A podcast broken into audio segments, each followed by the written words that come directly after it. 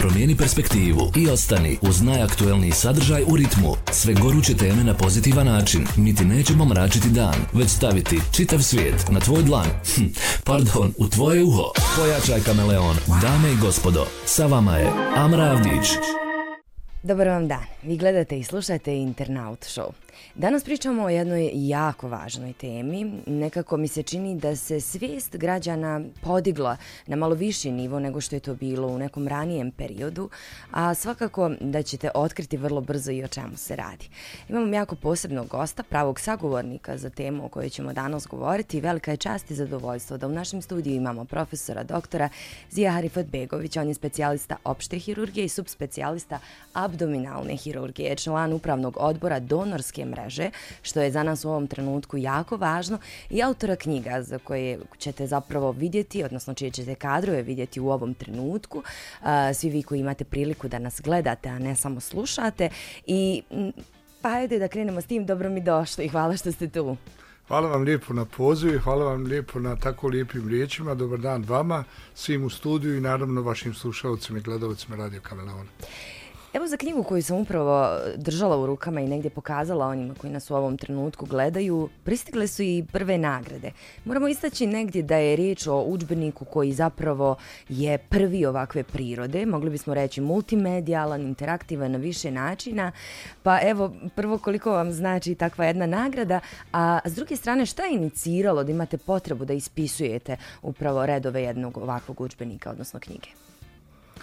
Pa moram biti iskren da vijest kada sam dobio da je knjiga Prevencija i menadžment povreda žučnih vodova pri laparoskopskoj holecistektomiji dobila nagradu, što je njen stručni naziv, dobila nagradu za grafički dizajn i print, jednostavno ostavila me i bez teksta.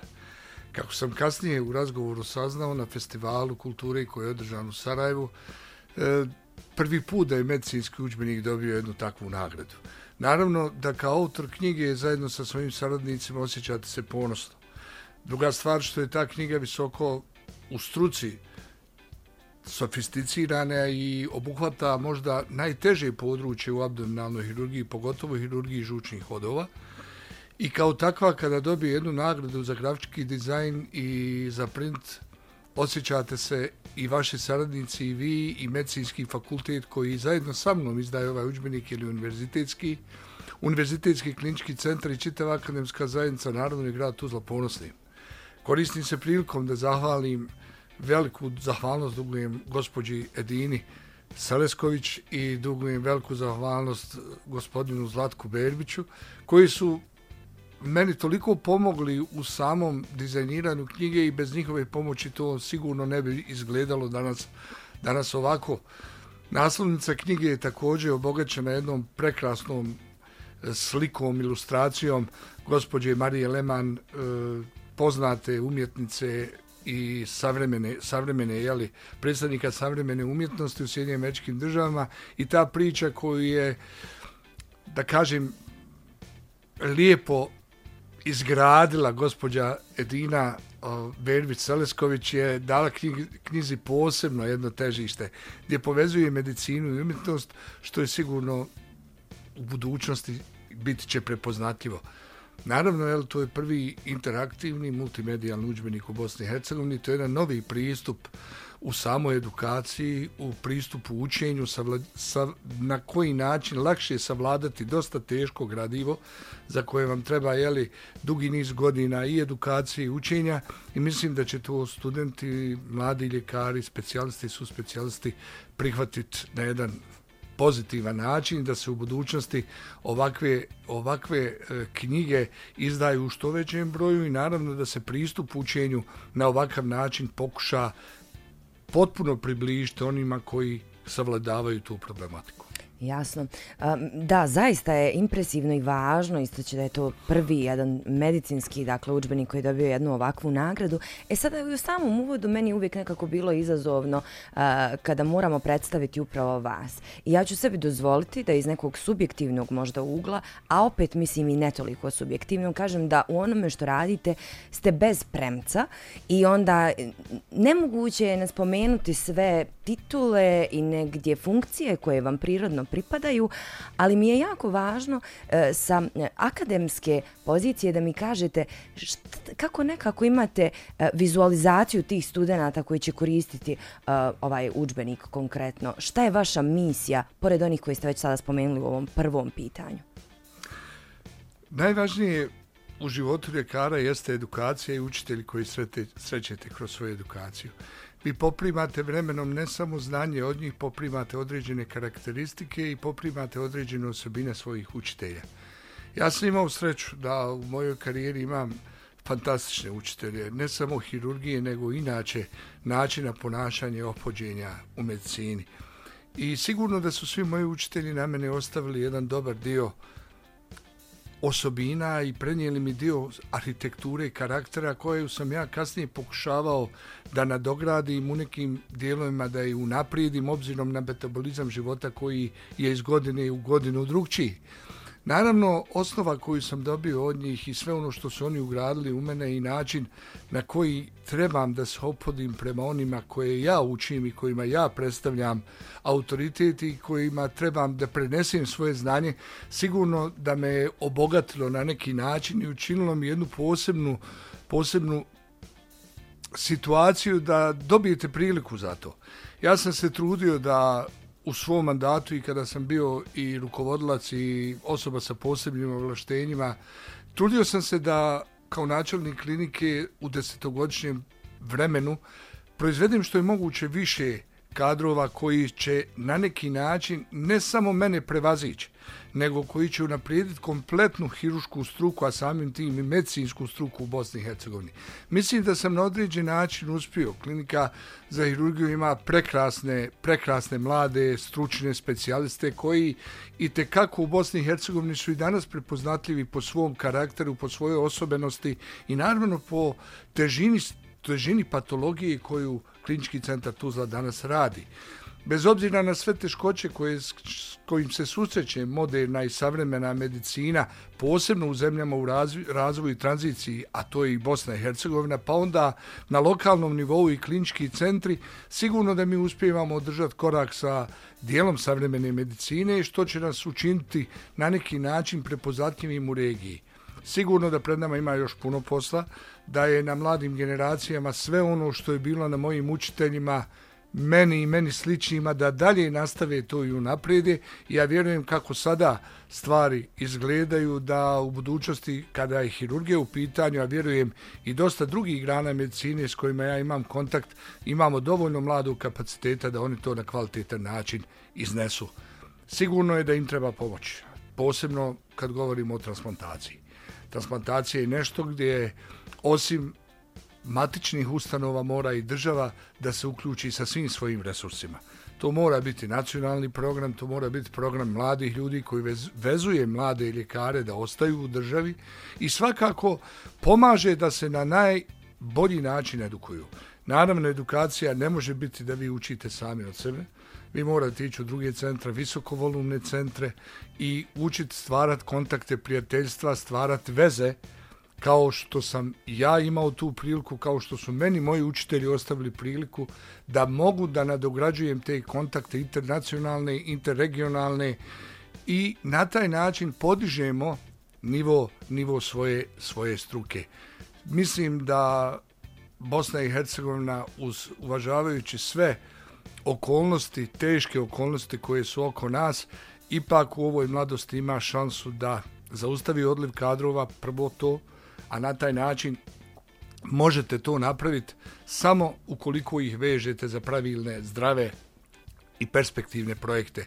Medicinska struka, govorim sad o medicini jer sam iz tog miljeja, medicinska struka sigurno je ta koja ima toliko kapaciteta da veže mlade ljude da sigurno mogu svoju realizaciju naći u svojoj zemlji. Rekoh malo čas da je nemoguće ne propustiti neke od stvari koje radite, pa evo zaboravila sam spomenuti da ste ujedno i gradski vječnik. Um, a vratit ću se na to da ste član upravnog odbora donorske mreže. I sve mi to negdje govori da vama zapravo nije dovoljno možda samo to e, čime se profesionalno bavite, šta je vaša struka, nego e, da pravite jednu simbiozu pa i između društvenog aktivizma na neki način. E, jer mislim da je upravo ta donorska mreža jako važna stvar u koju se moramo svi uključiti. Čini mi se da je situacija nešto bolja, da je svijest na malo većem nivou, ali ipak mislim da ste vi najkompetentniji u ovom trenutku da mi kažete koliko smo porasli na toj nekakvoj, na tom nivou svijesti. Naravno da sve ove publikacije i sve ove emisije, uključujući evo i današnje moje gostovanje u, u vašem studiju, doprinose popularizaciji transplantacije, ali nismo daleko odmakli. Mi nemamo transplantacija, nažalost. Mi nemamo multivisceralnih izdvajanja organa za transplantaciju. Mi smo imali e, u ovoj godini imali smo dva kadavera prijavljena za koje nažalost nismo imali primaoce u Bosni i Hercegovini. Zašto je to tako? Vremenom kad vi to ne radite, pacijenti gube povjerenje, povjerenje u transplantacioni sistem i transplantacioni, transplantacioni procedure u Bosni i Hercegovini. Mi imamo strašno veliki odliv pacijenata prema drugim zemljama, prvenstveno prema Turskoj. Sigurno da sva ova ekonomska kriza se odražava i na socijalnu, a naravno i na akademsku zajednicu. Ljudi pokušavaju da premoste svoje probleme na način misleći da će u drugim zemljama dobiti uslugu koja je na višem nivou nego u Bosni i Hercegovini. Nerijetko njihovi zdravstveni sistemi jesu napredniji i nerijetko njihove ustanove jesu moderniji, ali daleko od toga da su njihove ustanove u stručnom smislu ispred naših stručnjaka. Međutim, našim stručnjacima je neophodna pomoć sredine, neophodna je pomoć šire društvene zajednice. Vi, ako imate dobre i mlade doktore koji su dobro edukovani, koji su govore dva svjetska jezika, koji imaju izuzetne, izuzetne vještine, ukoliko nemaju opreme i ukoliko ne ulažete u infrastrukturu transplantacijonih procesa, procedura, ustanova koje se bave transplantacijom, vi ćete njih vremenom izgubiti. Ili će otići u druge zemlje, ili će jednostavno ostati na razini perspektivnih, ali ne realiziranih u onom obimu od koji, od kojih se od njih očekuje u momentu kada oni stupaju na medicinsku scenu. Nažalost, nisam uvjeren da smo još uvijek na tom polju napravili neki poseban iskorak. E, vjerujem da mi u Donorskoj mreži smo razgovarali da organizujemo određene sastanke i da pojačamo, da pojačamo interaktivnost među kliničkim centrima. Uh -huh. Ako vi nemate utvrđene moždane smrti, ako nemate prijavljenu moždanu smrt da mogu naši timovi da izađu na izdvajanje organa, onda je to veliki problem. Bez transplantacije ne možete imati savremenu, modernu, naprednu i da kažem, slobodno mogu reći, humaniziranu medicinu. Zašto humaniziranu? Zato što su to najteži pacijenti. I kad on mora da traži i sredstva i mogućnosti da ode u drugu zemlju da bi presadio organ, to djeluje stresno ne samo za porodcu, nego pogoršava i onako njegovo ugrožene zdravlje.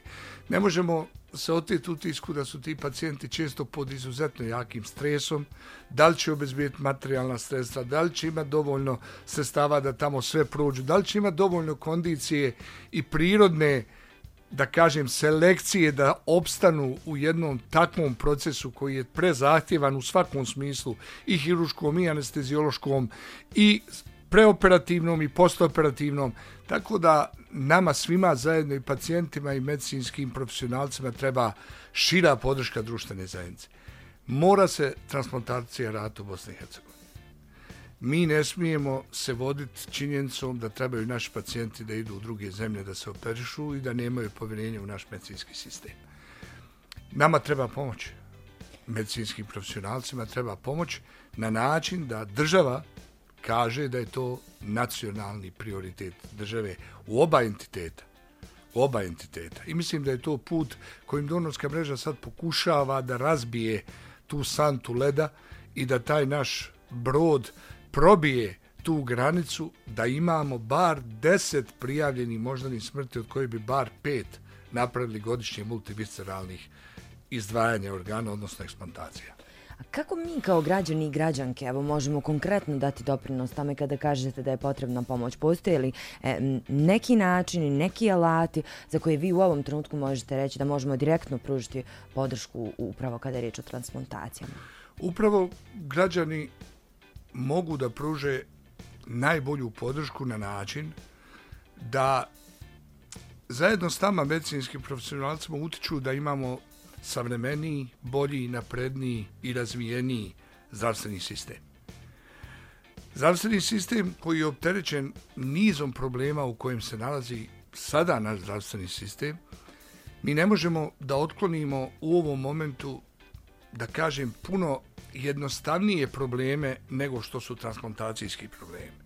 Zašto? Zato jednostavno što nema dovoljno zdrave komunikacije između svih učesnika u zdravstvenoj administraciji, profesionalaca koji su na terenu da realiziraju programe i procese zdravstvene administracije i naravno nezaobilazna regionalna i interregionalna saradnja koja treba da nam proširi vidike.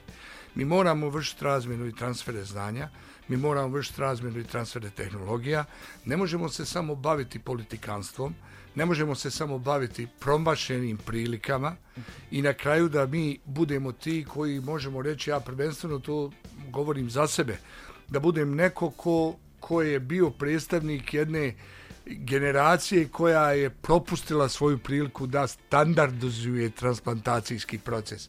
Iz tog razloga se mi borimo i pokušavamo da to napravimo. Moram reći jednu realnu činjenicu da su sve matične ustanove u kojima smo mi imali procese transplantacijskih procedura bile više nego korektne i u finansijskom i u svom logističkom smislu, ali vi nemate prijave moždane smrti, nemate izdvajanje organa, nemamo dovoljno updateovanih pacijenata koji moraju da se na listama svake godine najmanje dva puta updateuju i to je ono što nas čini limitiranim u tim procesima.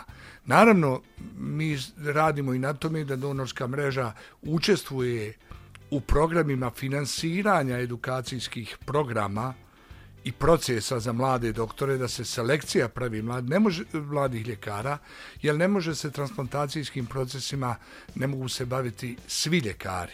Moraju se baviti ljekari koji su selektirani za određene procedure i koji pokazuju najveći interes, kapacitet i napredak za određen proces u samom, samom proceduri realizacije transplantacije.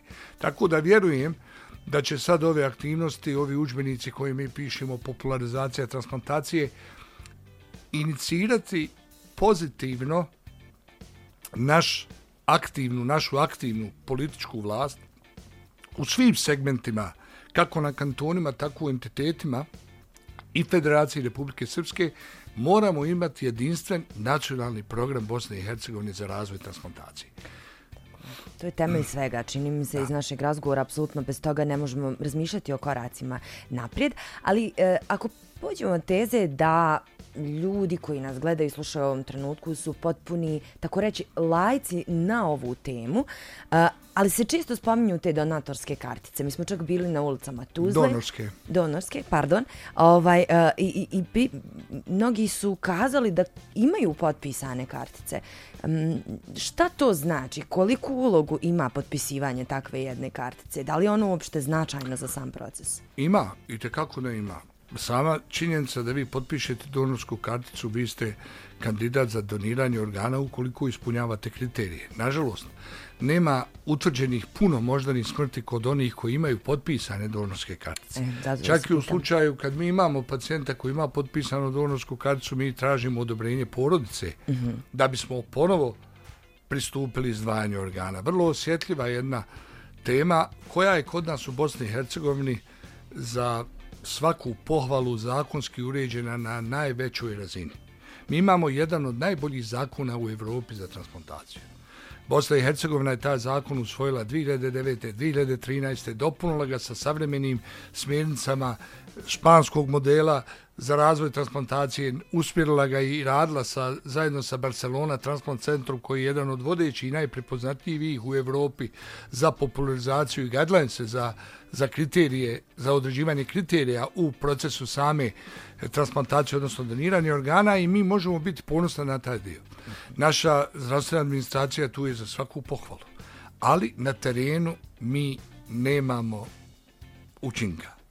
I vi jednostavno možemo puno pričamo o tome, ali nismo pomakli puno. Mi smo zadnju transplantaciju jetri napravili 2021. godine. Otad više nismo imali niti jedno izdvajanje jetre za proces transplantacije. Nemamo updateovanih pacijenata na listama za transplantaciju. Zašto? Ljudi traže rješenja u drugim zemljama. I mislim da to moramo mijenjati. Moramo mijenjati na način da se u našim, u našim uslovima, u svim i ekonomskim i zdravstvenim uslovima prepoznaju oni koji imaju kapacitet da to promijeni. I treba se izdići iznad političkih dešavanja, treba se izdići iznad politike i reći čekajte, pa nama to treba. Sutra ja mogu biti taj. Ovdje su sve politike trebaju da imaju jedan cilj, a to je da transplantacija u Bosni i Hercegovini ne bude agencijska vijest, nego da bude standard. I ako to uspijemo promijeniti, mi smo na dobrom putu. Evo, ja sam od uvijek govorio, 2015. godine smo imali četiri transplantacije jetre. I mislio sam da smo probili, što bih rekli, jeli, da smo probili jeli, tu neku kritičnu granicu kada ćemo stvari standardizirati. Nažalost, to se nije desilo nije se desilo, ali ne treba odustajati, idemo dalje, imamo potencijala, imamo želju da to napravimo i naravno imamo kapacitet u svojim mladim doktorima. Idemo s tim, pa nadat se da će se u 2024. godini da ćemo bar napraviti bar, bar jednu transplantaciju jetre. Jer znate kako, ja polazim od sebe, kako može neko imati povjerenje u sustav kad vi to ne radite? I onda pacijent vam kaže, dobro doktor, ja vas poštujem, cijenim vas, sve je u redu, ali vi to ne radite. I naravno da vi morate prihvatiti tu činjenicu da vi to ne radite. Velika je razlika između jedne i deset transplantacija. A nemjerljiva je razlika između jedne i ni jedne transplantacije. I mi smo u Tuzli napravili jedini u Bosni i Hercegovini 22 transplantacije. Na to sam zajedno sa svojom matičnom ustanovom kliničkim centrom, sa svim uposlenicima kliničkog centra, sa svim članovima tima, sa svim onim koji su pomogli da napravimo te 22 transplantacije, na to sam ponosan. I to je jedna baza od koje mi možemo dalje da krenemo, jedan temelj na koji možemo dalje redat te zidove. Međutim, za taj zid treba, treba puno, puno podrške koji mi u ovom momentu još uvijek ne možemo da prepoznamo na terenu. Jasno. Djelomično ste odgovorili na moje naredno pitanje kada ste spomenuli na što ste ponosni, ali kada imam osobu takvog bogatog iskustva profesionalnog, moram vas pitati koji možda bio neki od najtežih trenutaka u vašoj profesionalnoj karijeri, lično najtežih? Najteži trenutak u mojoj karijeri je bio taj kada sam nakon transplantacije jetre peti dan izgubio pacijenticu, mladu pacijenticu, koja je umrla od primarnog jeli, zatajenja grafta, odnosno jetre, koji može biti, sad da ne ulazim u stručnu terminologiju, vrlo ozbiljan i poguban za pacijenta i jedino rješenje u tom momentu retransplantacije. Mi u tom momentu nismo mogli. Čak i uz dobru želju kolega u, u Hrvatskoj i dobru namjeru kolega u Eurotransplantu u tom momentu nismo mogli dobiti nikakvu jetru, niti smo mogli pacijenta izmjestiti tu tako tešku u neku drugu ustanovu gdje bi se napravila retransplantacija. Ja sam vodio taj program, hiruški program transplantacije i naravno osjećate jednu ogromnu težinu, jednu ogromnu odgovornost. Kad izgubite pacijenta, činite sve da, da to uspije. Ta operacija trajala je 27 sati. Od momenta kada smo dobili dojavu da imamo organe u kliničkom centru u Bosni i Hercegovini, otišli smo u taj klinički centar i od tog momenta kada su naši timovi krenuli na teren, mi smo tad uzeli to vrijeme orijentacijono koje nam je potrebno da završite svu proceduru koja podrazumijeva i odlazak u drugu ustanovu, izdvajanje organa, povratak u matičnu ustanovu, pripremu organa, obavljanje svih imunoloških testova za sam provjeru da li je taj organ dovoljno, dovoljno zdrav za ide u proces transplantacije, preoperativne pripreme pacijenta i naravno samog procesa transplantacije koji je izuzetno zahtjevan i sastoji se kad govorimo o jetri prvo od, ostra, od ostranjivanja, odnosno hepatektomije odstranjivanja jetre, pa zatim jeli, transplantacije novog organa. I vi činite sve to, tehnički smo mi to dosta, da kažem, jeli, pristojno u određene korekcije jeli, napravili, ali smo izgubili pacijenticu peti dan. To je jedno strašno iskustvo kad vi morate imati dovoljno psihosomatske snage da sve to u sebi izdržite. Da izdržite sve te pritiske, da izdržite sve te, da kažem, eh, zle jezike koji eh, su usmjereni na to da kažu kako tu u Bosni i Hercegovini ne treba rad, kako mi nemamo dovoljno kapaciteta da to radimo, kako to treba raditi u drugim ustanovama. I onda u jednoj takvoj takvoj jeli, situaciji nalaze podlogu za opravdanje svojih argumenta koje ja i pored sve svih te, teškoća i dalje tvrdim da nisu stručno utemeljeni. Jeli. Tako da imate jedan veliki pritisak kao planinu da nosite u tom momentu na sebi. I to je nešto što mogu reći da imao sam dosta teških momenata u svojoj karijeri kad vi jednostavno morate prihvatiti činjenicu da nikad ne možete očekivati da će sve ono što vi radite završiti idealno. Dosta ima situacija kad vi učinite sa svoje strane maksimum, ali to ne ide željenim tokom. Priroda bolesti ili određene komplikacije koje se javljaju kod takvom mutilantnih operacija jednostavno vas čine limitiranim da vi napravite više od toga. I mogu reći tad da sam imao veliku podršku u kolegama u Hrvatskoj.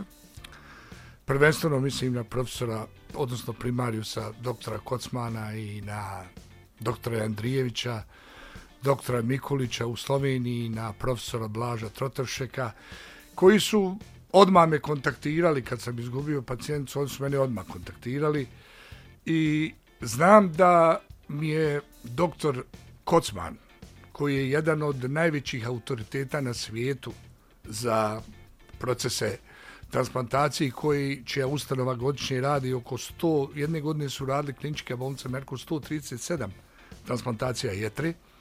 Znam da mi je tad rekao, znaš šta zijah, znam, ne moraš mi ništa objašnjavati. Ja sam tad bio u tom momentu ovaj, kod kuće, jeli, i neku večernjim satima razmišljate o svim svojim potezima i onda on mene zove i kaže, slušaj, sve to što ti sad imaš, ja sam već preživio. Prema tome, ideš dalje i sva pomoć koja ti bude trebala i u bilo kom obliku bude bilo kakav problem, molim te prvo koga ćeš nazvat, nazvat ćeš mene. I onda kad dobijete takvu podršku od kolega koji se bave tim, koji su sve te probleme na neki način preživjeli, vi se osjećate, ne mogu reći lakše, ali osjećate se da imate dovoljno kvaliteta da se ufatite s tim teškim okolnostima i da stanete sami sebi pred ogledalo i da kaže Zio ti moraš dalje. Jel? Mi moramo ići dalje. I mislim da je to bilo nešto prelomno što je obilježilo moju karijeru i čega ću se uvijek sjećati na jedan način koliko tužan, toliko i i toliko ohrabrujući od podrške. Naravno, nije izostala podrška ni mojih kolega ovdje u Bosni i Hercegovini koji znaju težinu posla, posebno oni koji su bili tog momenta uz mene i neposredni učesnici sa mnom u tom programu, ali vi kao nosilac sve te e, procedure koju nosite na sebi, a nosite zato što ste u tom momentu najreferentniji i najkvalifikovaniji, morate snositi najveću odgovornost. Tako da sam ja tu odgovornost prihvatio i jednostavno istog čovjek puno toga nauči i mora da živi s tim. Mislim da je ovo jedna sjajna lekcija za buduće ili oni koji već jesu studenti medicine i koji bi možda krenuli vašim stopama. A, I taj sistem podrške zaista mislim da je važan u bilo kojoj profesiji, pogotovo u tako um, ozbiljnoj i, i delikatnoj S druge strane, uh, ono što sam primijetila negdje, to jeste nemoguće je ne primijetiti, uh, vi ste prvi kada za narodu treba pomoć, ne samo u Bosni i Hercegovini, nego se sjećamo situacije tokom pandemije kada ste išli u Novi Pazar i čini mi se da to može biti samo uporište u jednoj velikoj ljubavi prema poslu koje gradite. Čime se hrani ta ljubav koju nosite prema svom poslu? Pa dobro ste to primijetili, jele. E, jedne prilike meni je moja supruga rekla i moja djeca, čuj, tebi hirurgija nije poziv, tebi je hirurgija život. I upravo tako, ja sam i dok sam se školovao i dok sam išao na edukaciju i koristim se prilikom da se zahvalim svom učitelju, profesoru Deši Mešću, eh, on je veliki utisak ostavio na mene i ja sam rano krenuo vani. Ja sam prvo išao u Zagreb, iz Zagreba sam išao za Maribor, iz Maribora sam išao za Beč, iz Beča sam išao za, za Francusku. Sve su to edukativni programi koji zahtijevaju dugotrajno odsutovanje od kuće. Morate odrediti svoje prioritete u tom momentu. U tom momentu su meni djeca bila mala, jel? Sjećam se prilike kad sam se vratio iz Francuske šest mjeseci nisam dolazio kući i bio sam na edukaciji za transplantaciju jetri u jednom od prestižnih evropskih centara u Strasburu. I znam kad sam se vratio kući da je, kad sam odšao za Francusku, moj bakir, najmlađi sin, imao dvije godine. Kad sam se vratio, on imao dvije i pol godine i on je, kad sam došao kući, nije me mogao prepoznat, pobjegao je ovaj, iza kuće i počeo plakati.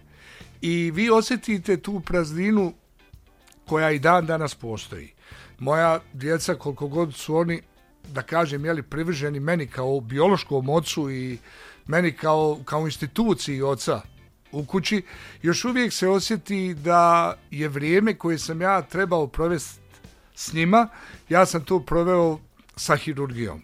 S druge strane, vi na taj način mislim da ostavljate jedan pozitivan primjer svojoj djeci da poziv kojim se bavite morate shvatiti ozbiljno nismo svi ti koji stavljaju poziv svoj ispred ispred poroce i ne treba ga stavljati. Ali ne treba ga ni držati i razdvajat od obaveza koje imate prema porodici, takve obaveze trebaju da imaju prema pozivu. Jer ono što vi naučite i ono što vi treba da pružite, to će nečijem ocu ili nečijoj majeci spasti život i omogućiti da djeca ne ostanu bez lijepih sjećanja.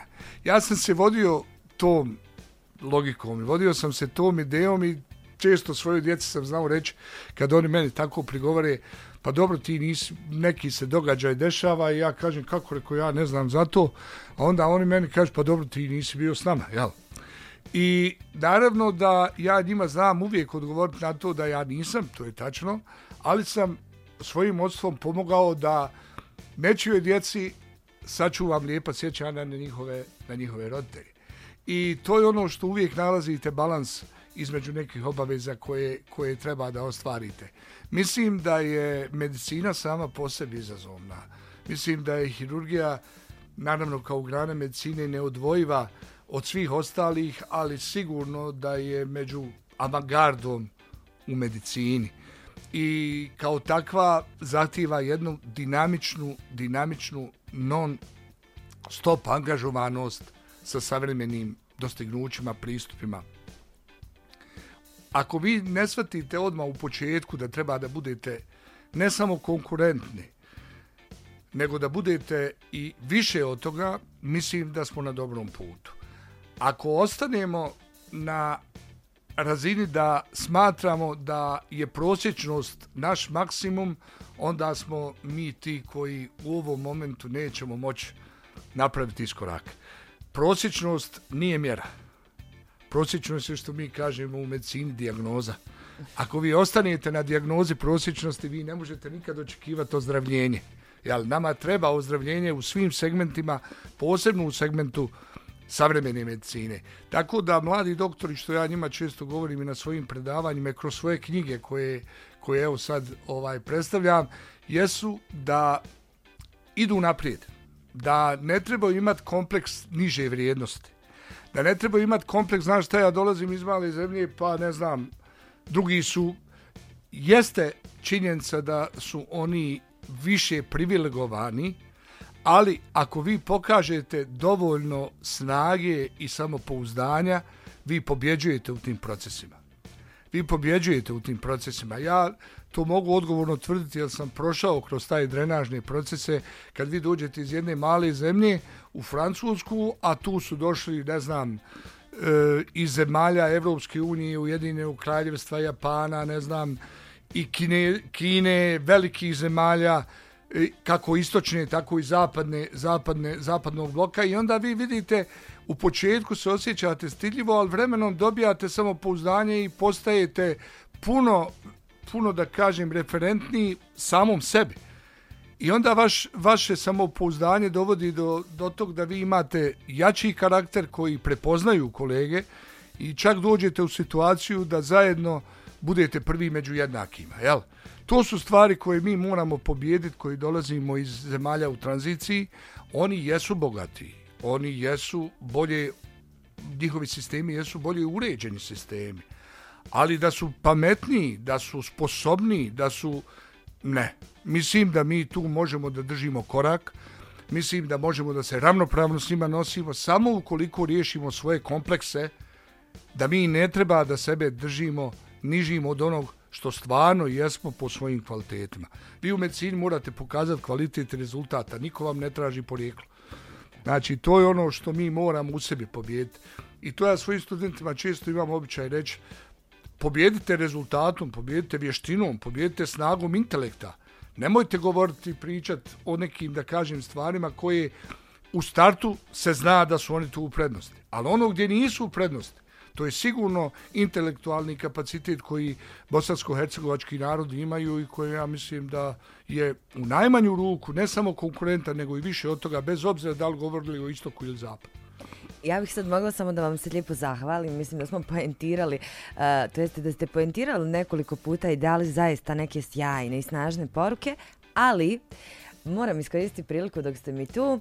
A, na to sve dodali ste jedan novi poduhvat, ja vjerujem da će biti tekako uspješan, a, a to je da ste upravo u grad Tuzli otvorili ordinaciju Rifat Begović a, sa, koliko ja imam informacije, nekim zaista jedini ste i prvi sa najsavremenijom tehnologijom kada je riječ o ultrazvučnoj diagnostici. Evo, možemo li samo za oni koji nas slušaju i gledaju dati par informacija o tome, a i na kraju krajeva zašto ste odlučili se za takav jedan korak? Najprije da vam se zahvalim jeli, što, što ste me pozvali u emisiju i da govorim o tome. E, moja privatna praksa je u sastavu moje dopunske djelatnosti koju ja imam pro, po zakonu i ostvarujem po zakonu uz odobrenje svog poslodavca matične ustanove kliničkog centra.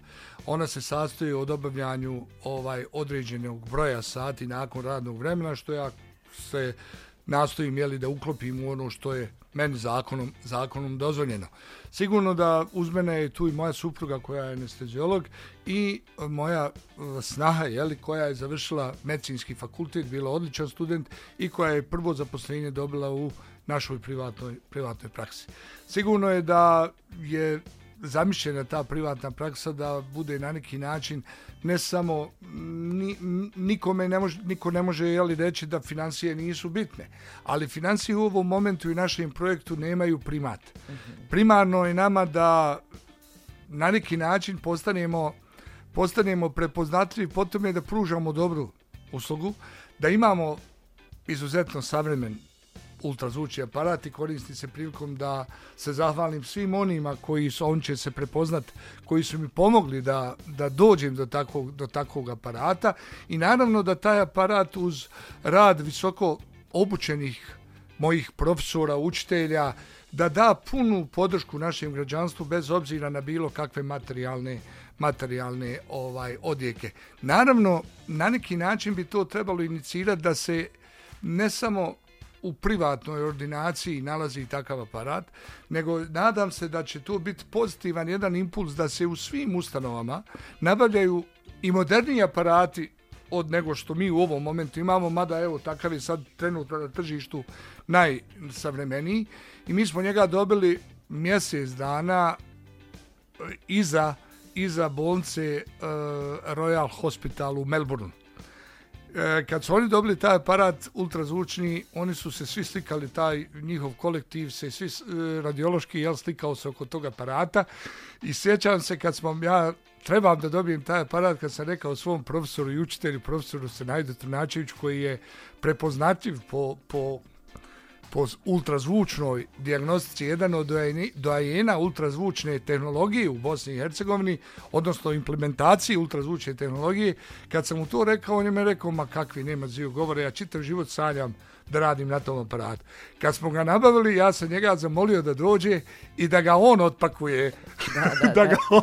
I onda sam primijetio u njegovim očima, suzu, mora biti iskren, da je njemu toliko bilo drago, radostan je toliko bio da je takav aparat došao u naš grad i da je došao u kantoni.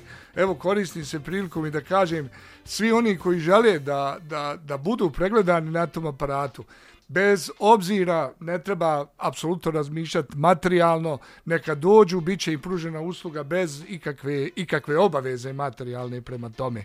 Tako da mi želimo na taj način da E, naša ordinacija postane mjesto gdje će se ljudi sastajati, gdje ćemo se truda pružimo dobru uslugu i na kraju krajeva gdje će se upoznat sa nečim što je u ovom momentu sad hit, jel? Da i mi u, u svom gradu, u, svoj, u svom kantonu, u svojoj zemlji imamo to. Ima to Sarajevski kanton, oni su to nešto ranije nabavili, ali u Tuzlanskom kantonu i u ovom dijelu Sjeveristočne Bosne mislim da u ovom momentu mi jedini imamo tu, tu ultrazvučnu taj, taj ultrazvučni aparat. Recite mi da ste se i vi fotografisali. Ja sam, ekipno, ja sam neko, neko ko je, kako bi rekao, pionir ultrazvučno diagnostice. Jel, ja sam hirurgi, mi hirurzi završimo, evo i ja sam ovaj taj koji završavam školu ultrazvuka i svi hirurzi se završili školu ultrazvuka. Zašto? Jer ja smatram da škola ultrazvuka koja je fantastično koncipirana na našem kliničkom centru i od strane ljekarske komore i koristim se prilikom jel, da pohvalim stvarno sve one koji učestvuju u radu te škole. Mi smo, ja sam 63. grupa, generacija, jel, kako možemo to nazvati, koja i pohađa školu ultrazvuka, koju vodi profesor Senaj Trnačević, zajedno sa svojim saradnicima i vjerujte mi da oni to rade fantastično. I vi toliko usvojite novih stvari i hvala i, i kliničkom centru i voditeljima škole i naravno je, ljekarskoj komori koji su učinili dobar napor da dobijete potrebno znanje, elementarno znanje iz to oblasti, naravno koje ćete vi vremenom nadograđivati i sve ostalo. Mi smo na klinici za hirurgiju u mandatu kada sam obavljio mjesto načelnika, svi mlađi doktori su završili školu ultrazvuka. Ne samo mlađi, nego i stariji svi su obavili školu ultrazvuka i sad klinika za hirurgiju možemo reći da ima možda par kolega koji nisu završili, uglavnom je većina hirurga završilo. I vrijeme dolazi kada ultrazvuk više nije luksus, nego je to jednostavno sredstvo rada ljekara u svakodnevnom, svakodnevnoj praksi kliničkoj i naravno jel, sekundarnoj i primarnoj. Hvala vam. Hvala ne vam. samo što ste bili moj gost, nego za, zbog svih stvari koje radite i negdje mislim da, da, da smo pokazali i prikazali, uh, odnosno da sam ja uspjela u toj namjeri da indirektno zapravo pokažemo koliko puno, po mom mišljenju, dajete ovom društvu i evo još jednom zahvalni smo vam i kako na tome, a evo i na kraju dana što ste bili moj gost. Hvala vama veliko, hvala Radio Kameleonu i koristim se prilikom da pozovem sve zainteresovane da dođu 1.12 petak u 18 sati na Medicinski fakultet Univerziteta u Tuzli, gdje će biti promocija knjige koja je nagrađena kao knjiga godine, prevencija i management ozljeda pri laparoskopskoj olecitektomiji. Promotor knjige bit će profesor dr. Stojan Potrč, predstojnik klinike za hirurgiju Univerzit, kliničkog centra univerziteta u Mariboru i profesor dr. Edwin Bjorn, koji je predstojnik hirurgije Nacionalne univerzitetske bolnice u Oslu i jedan od najvećih autoriteta u Evropi za laparoskopiju. Biće mi zadovoljstvo da svi oni koji su zainteresovani, bez obzira bilo medicini ili ne, dođu i naravno podršku koju će dati vaša ustanova Radio Kamleo. Hvala vam još jednom. Hvala i vama. Hvala i vama što ste bili uz nas. Vidimo se naredni put. Promijeni perspektivu i ostani uz najaktuelniji sadržaj u ritmu. Sve goruće teme na pozitivan način. Mi ti nećemo mračiti dan, već staviti čitav svijet na tvoj dlan. Hm, pardon, u tvoje uho. Pojačaj kameleon. Dame i gospodo, sa vama je Amra Avdić.